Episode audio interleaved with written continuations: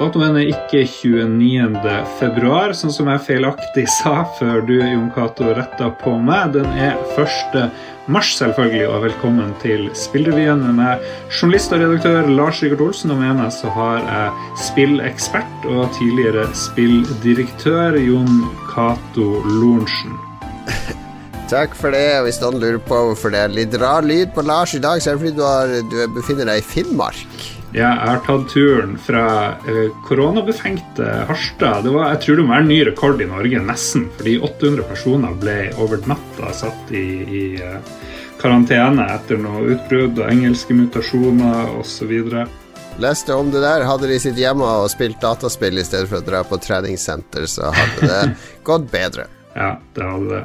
Vi skal hoppe rett på noen spennende nyheter, bl.a. at eh, de nominerte til Spillprisen 2020 er klar. Fordi torsdag 4. mars klokka 20 så kan alle og du som hører på, følge utdelinga direkte på vår Twitch-kanal.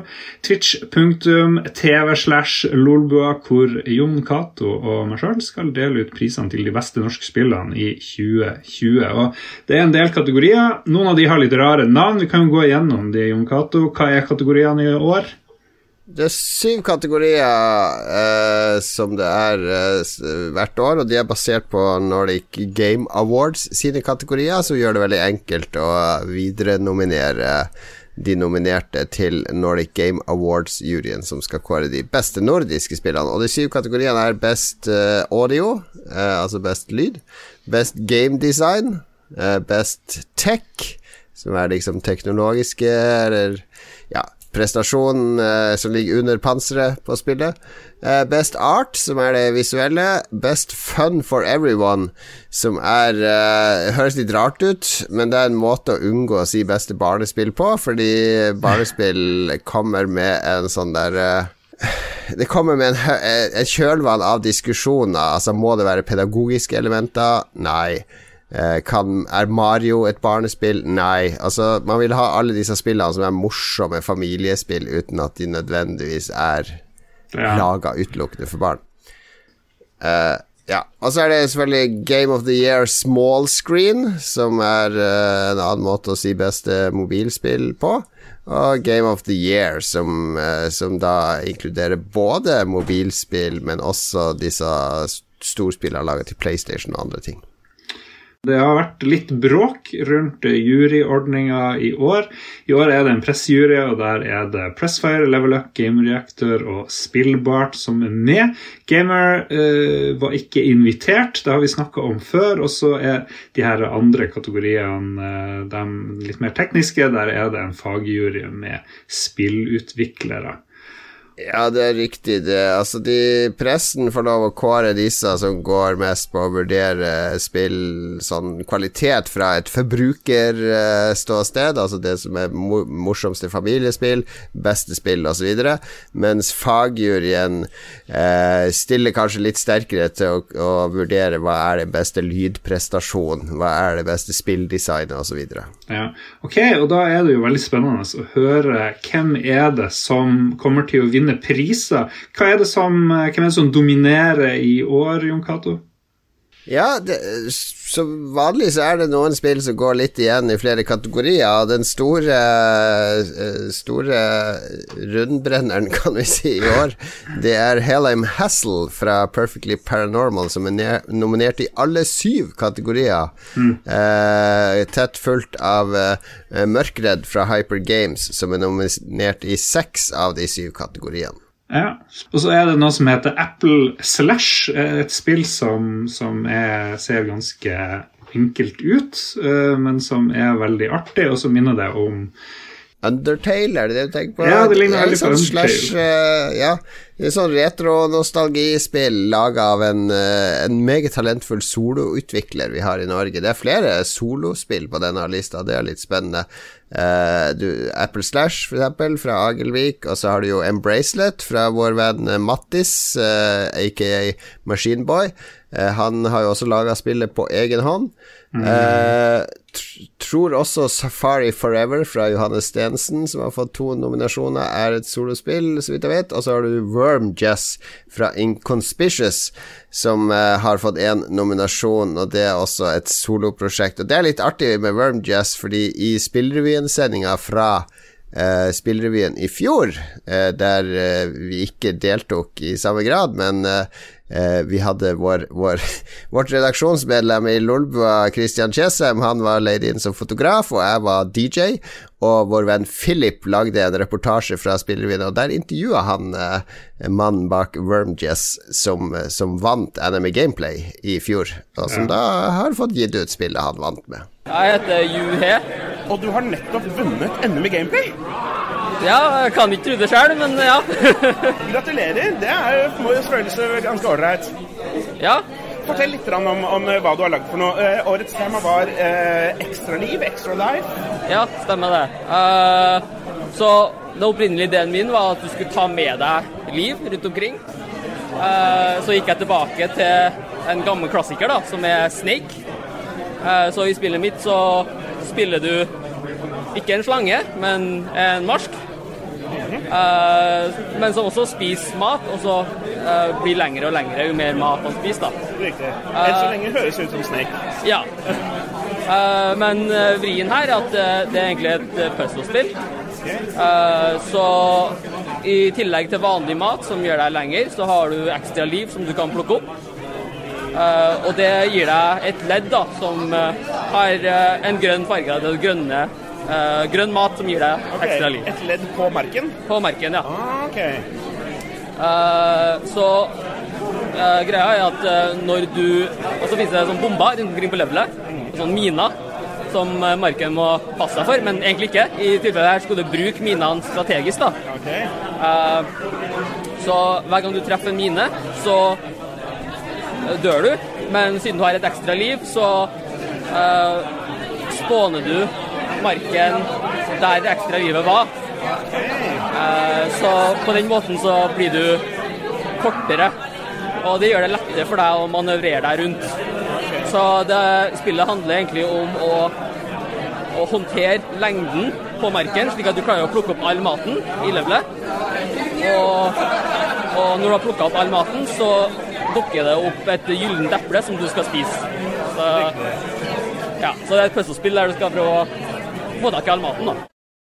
Og så er det mange andre spill. Vi skal, vi skal, gå gjennom absolutt alt når det er spillprisutdeling på torsdag. Men uh, skal, vi, skal, vi, spå litt? Jeg og du er jo ikke med i noen jury her, og vi vet ikke hva som blir å vinne. Men vi vet jo hvem som f.eks. er nominert til årets spill. Hvem er det vi tror kan vinne der blant de nominerte? Ja, I årets spill så står det mellom Apple Slash, altså dette nostalgiske action uh, hack and slash-type uh, spillet, Embracelet, som er uh, et litt følelsesladd personlig spill fra, fra Mattis om Nord-Norge, Helem Hassel, som er ja, skal, hva skal vi si vikingkomediespill med armer og bein som kan uh, tas av hovedpersonen.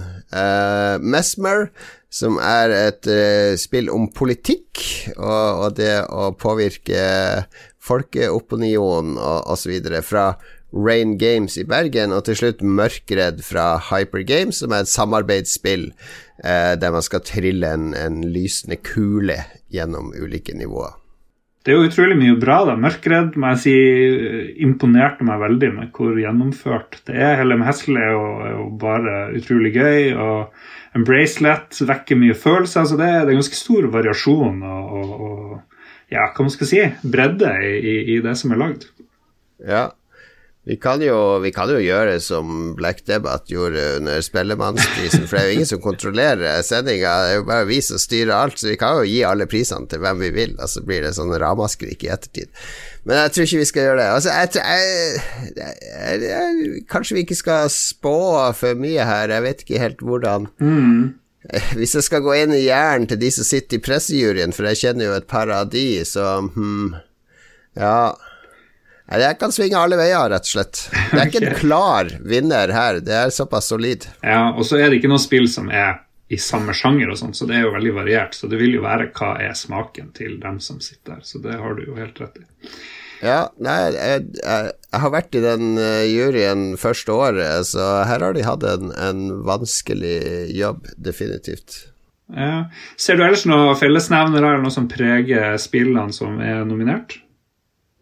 Jeg legger kanskje merke til at uh, Funcom ikke er med i år, for de har jo played og vært med om ikke hvert år, men så verken Funcom eller Redthread, som kanskje er de som har litt sånn trippel A-kvalitet på titlene sine. Red Thread visuelt, i hvert fall, og Funcom er jo det eneste trippel A-studio i Norge. Så når ingen av de er representert, så blir det Det, det er veldig sånn indie-preg over det hele. Du har selvfølgelig Fishing i North Atlantic og Mørkredd, og det spilles og ser smashing ut, men eh, det, det er veldig sånn indie-race i år, føler jeg. Følg med 4. mars klokka 20. fredag så ble det første Pokémon-spillet som eh, finner sted i en åpen verden, vist frem. Det heter Pokémon Legends Arceus og skal etter planen gis ut tidlig neste år. Traileren eh, viser en verden som fort minner i hvert fall meg om Zelda Breath of the Wild. Og eh, jeg syns det er litt artig å ta opp Pokémon. Det har jo solgt utrolig mye eh, eksemplarer. 368 millioner spill var vel målt en gang i fjor. Og jeg har noen pekt ut til den mest populære mediefranchisen i verden. Den går jo på kryss og tvers av spill og, og alt mulig rart. Fysiske ting og filmer og, og, serier og sånne ting. Jeg vet ikke om du har tenkt på det, hva det er som gjør akkurat Pokémon Go så utrolig populært og vellykka? Jon Cato? Jeg var faktisk nødt til å tenke på det for noen uker siden, for da var jeg gjest eh, hos P2, eh, som hadde satt av hele ti minutter til å snakke med meg om, eh, om Pokémon sitt 25-årsjubileum og hva som gjør at serien er en stayer. Og det er jo at den hele tida klarer å nå en ny gruppe med barn. Ja. Uh, det, det fins knapt noen voksne på uh, mellom ja, under 30 eller 35 som ikke har et eller annet forhold til Pokémon fra barndommen, enten de samla litt på kort, eller de så på tegnefilmene på barne-TV, eller de spilte spillene, eller de så filmer, eller et eller annet. Eh, det har vært en del av så veldig veldig mange barn sin oppvekst, og så klarer det å fornye seg. altså Det føles ikke utdatert. Det kommer nye verdener, nye karakterer, nye storylines osv. Så, videre, så mm. ja, det lever i beste velgående. Ja, og Så er det én milliard nedlastinger jeg leste av Pokémon Go, og der er det jo veldig mange voksne òg som uh, som er med. Pokémon Go er litt artig, fordi det er jo ikke, det er ikke Nintendo som sto bak eh, Pokémon Go. Det var jo Niantic som reskinna et annet spill de hadde, der du skulle gå rundt i en sånn science fiction-virkelighet og ta kontroll over punkter som en av tre faksjoner. Eh, som da ble til Pokestops. Og så i stedet for å, å, samle opp ting underveis, som du gjorde i det originale spillet deres, eh, så, så, fant du Pokémon underveis. Så det er en slags reskin av et annet spill som de fikk lov til å bruke Pokémon-lisensen på, som ble helt uhyre populært. Eh, hele Pokémon Go-fenomenet begynte jo med en aprilspøk på Google Maps der de 1. april et år plutselig putta masse Pokémon overalt, så du kunne scrolle inn og ut av kartet og finne Pokémon som gjemte seg her og der på hele Google Maps. Ja. Eh, og det, det satte ideer i hodet på de rette folkene, og ja, så ble, kom Pokémon Go. Det med åpen verdensspill Det har egentlig Pokémon-fansen mast om siden World of Warcraft kom. Eh, så det er ikke akkurat sånn at de kaster seg rundt når trenden er der. Eh, et, et Pokémon-MMO har vært etterspurt i, i nesten 15 år. Eh, så, men det er artig at de nå har vist et åpen verdensspill eh, som ligner veldig på Breath of the Wild, og selvfølgelig alltid når det annonseres et nytt Pokémon-spill, så, så, er fansen misfornøyd. Det, det er blitt sånn tradisjon i spillverden. For fansen vil alltid ha mer. De vil ha bedre grafikk.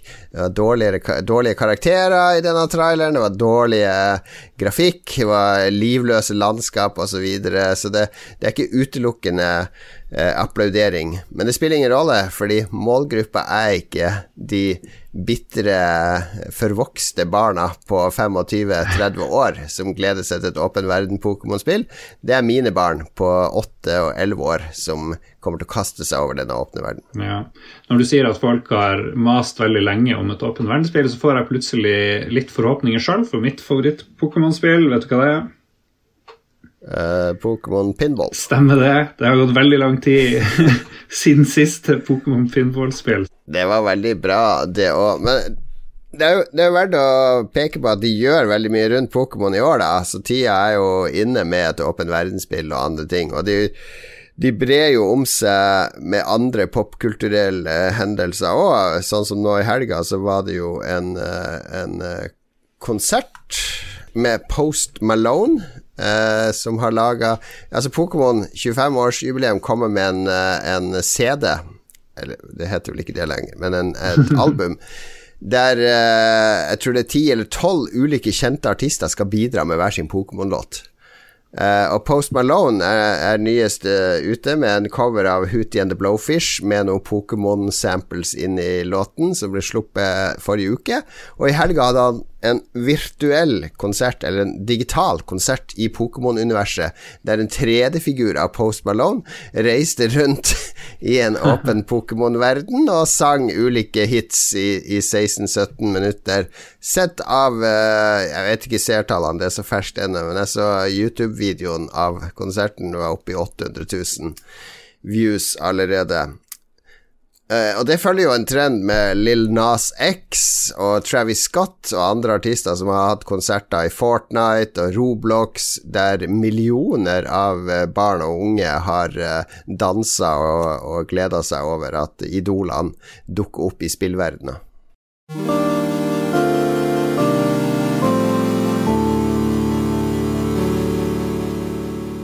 Fra et uh, gigantisk spill til et spill som man håpte skulle bli utrolig stort. Uh, BioWare og Electronic Arts gir nemlig opp storsatsinga Anthem.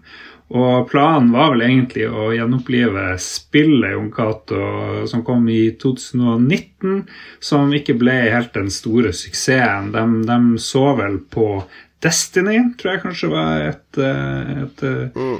inspirasjonskilde, men i forrige uke så fortalte selskapet at de pga. pandemien bl.a. gir opp eh, videreutvikling. Jeg lurer på om det skulle hete Anthem Next, eller hva det heter, prosjektet. Så skal de heller fokusere på Dragon Age og Mass Effect, som de jo driver og remasterer og jobber med et nytt spill, og så skal de holde liv i Star Wars The Old Republic. Og I forrige uke så snakka vi jo med norske Dirtybit og Anette der, som fortalte om viktigheten av å gi opp spill som ikke eh, fenger. Og jeg tenker Det her tok jo veldig lang tid å gi opp et spill som tidlig ble klart ikke var det helt store. Har de eh, bæsja litt på leggen her, tenker du, Jon Cato? Definitivt. Altså, de har egentlig skutt seg sjøl i, i, foten. Uh, det er litt sånn artig studie, Anthem-lanseringa. For det første var jo Anthem var litt et sånn spill der man ikke visste helt retninga sjøl. Det skulle være litt rollespill, det skulle være litt Destiny, det skulle være flyging. Uh, altså, de slapp et spill som hadde disse elementene, men som også hadde Det hang veldig dårlig sammen. Uh, det var åpenbart at det ikke var en sånn helhetlig kreativ visjon bak det spillet, fordi det føltes som tre forskjellige spill som var satt sammen til ett, uh, der man ikke hadde klart å, å fokusere ordentlig. Og det andre de gjorde feil, var at i en måned før de slapp Anthem, så, så hadde EA hadde et sånn eh, kjedelig studio som heter Respawn Entertainment. Som, ja ja, de vil lage et sånn free to play uh, Battle Royale-spill. Helt greit, bare slipp det ut. De slapp ut Apex Legends uten å blåse i noen trompeter eller uh, fire av noen fanfarer, og Apex Legends ble superpopulært. Så en måned etter de slapp et vanvittig bra gratisspill, så skal de slippe et sånn 600 kroners online multiplayer-spill med season pass og, og, DLC og en masse annet som folk overhodet ikke var interessert i å spille i. Så de utkonkurrerte seg sjøl, på et vis, ved, ved å slippe eh, en konkurrent til sitt eget spill. Uh, og Anthem mangler endgame content. Det er jo det som definerer om disse spillene er stayere. Du som har vært inne Du som har vært Destiny-heroinist mm. i Destiny 1-dagene. Du vet at når du kommer til et visst punkt, så må det være noe som holder deg inne i spillet. Det må fortsatt være noe å oppnå, og det mangla totalt i Anthem når det ble lansert. Apropos det her med når skal man gi opp et spill? Eh, og Man kan jo være frekk og, og si at her har de eh, dumma seg ordentlig ut, men så finnes det jo eksempler da på utviklere som har klart å, å, vekke opp ting som ikke har fungert helt i starten. Jeg tenker Ubisoft spesielt er ganske flink til det, å forbedre spillene sine som ikke er så kjempegode. Og så har vi veldig sånn suksesshistorier som kommer fra, fra ingensteds, sånn som Final Fantasy 14, mm. hvor, hvor, de bare la ned, la ned, det de hadde og tenkte ok, da må vi fikse alt på nytt, og så ble det veldig, veldig bra. og Det lever jo fremdeles, eh, det her spillet. Ja, ja, ja. Når man skal gi opp og sånt, det er kanskje ikke så enkelt som å tenke at ok, hvis det ikke funker med en gang, så må vi bare gå over på neste, neste spill med Anthem så har de jo bare sagt ja, ok, det funker ikke, nå skal vi lukke alle dørene og gå inn på planleggingsrommet vårt og redesigne dette til noe bra. Mens det de burde gjort, var bare å fortsette å lage ting til spillet og gradvis vri det over til Altså, man måler jo som, hvordan folk spiller, hva folk er ute etter, hva, hva de savner og gradvis måle hvordan folk liker det, og om de faktisk spiller det osv.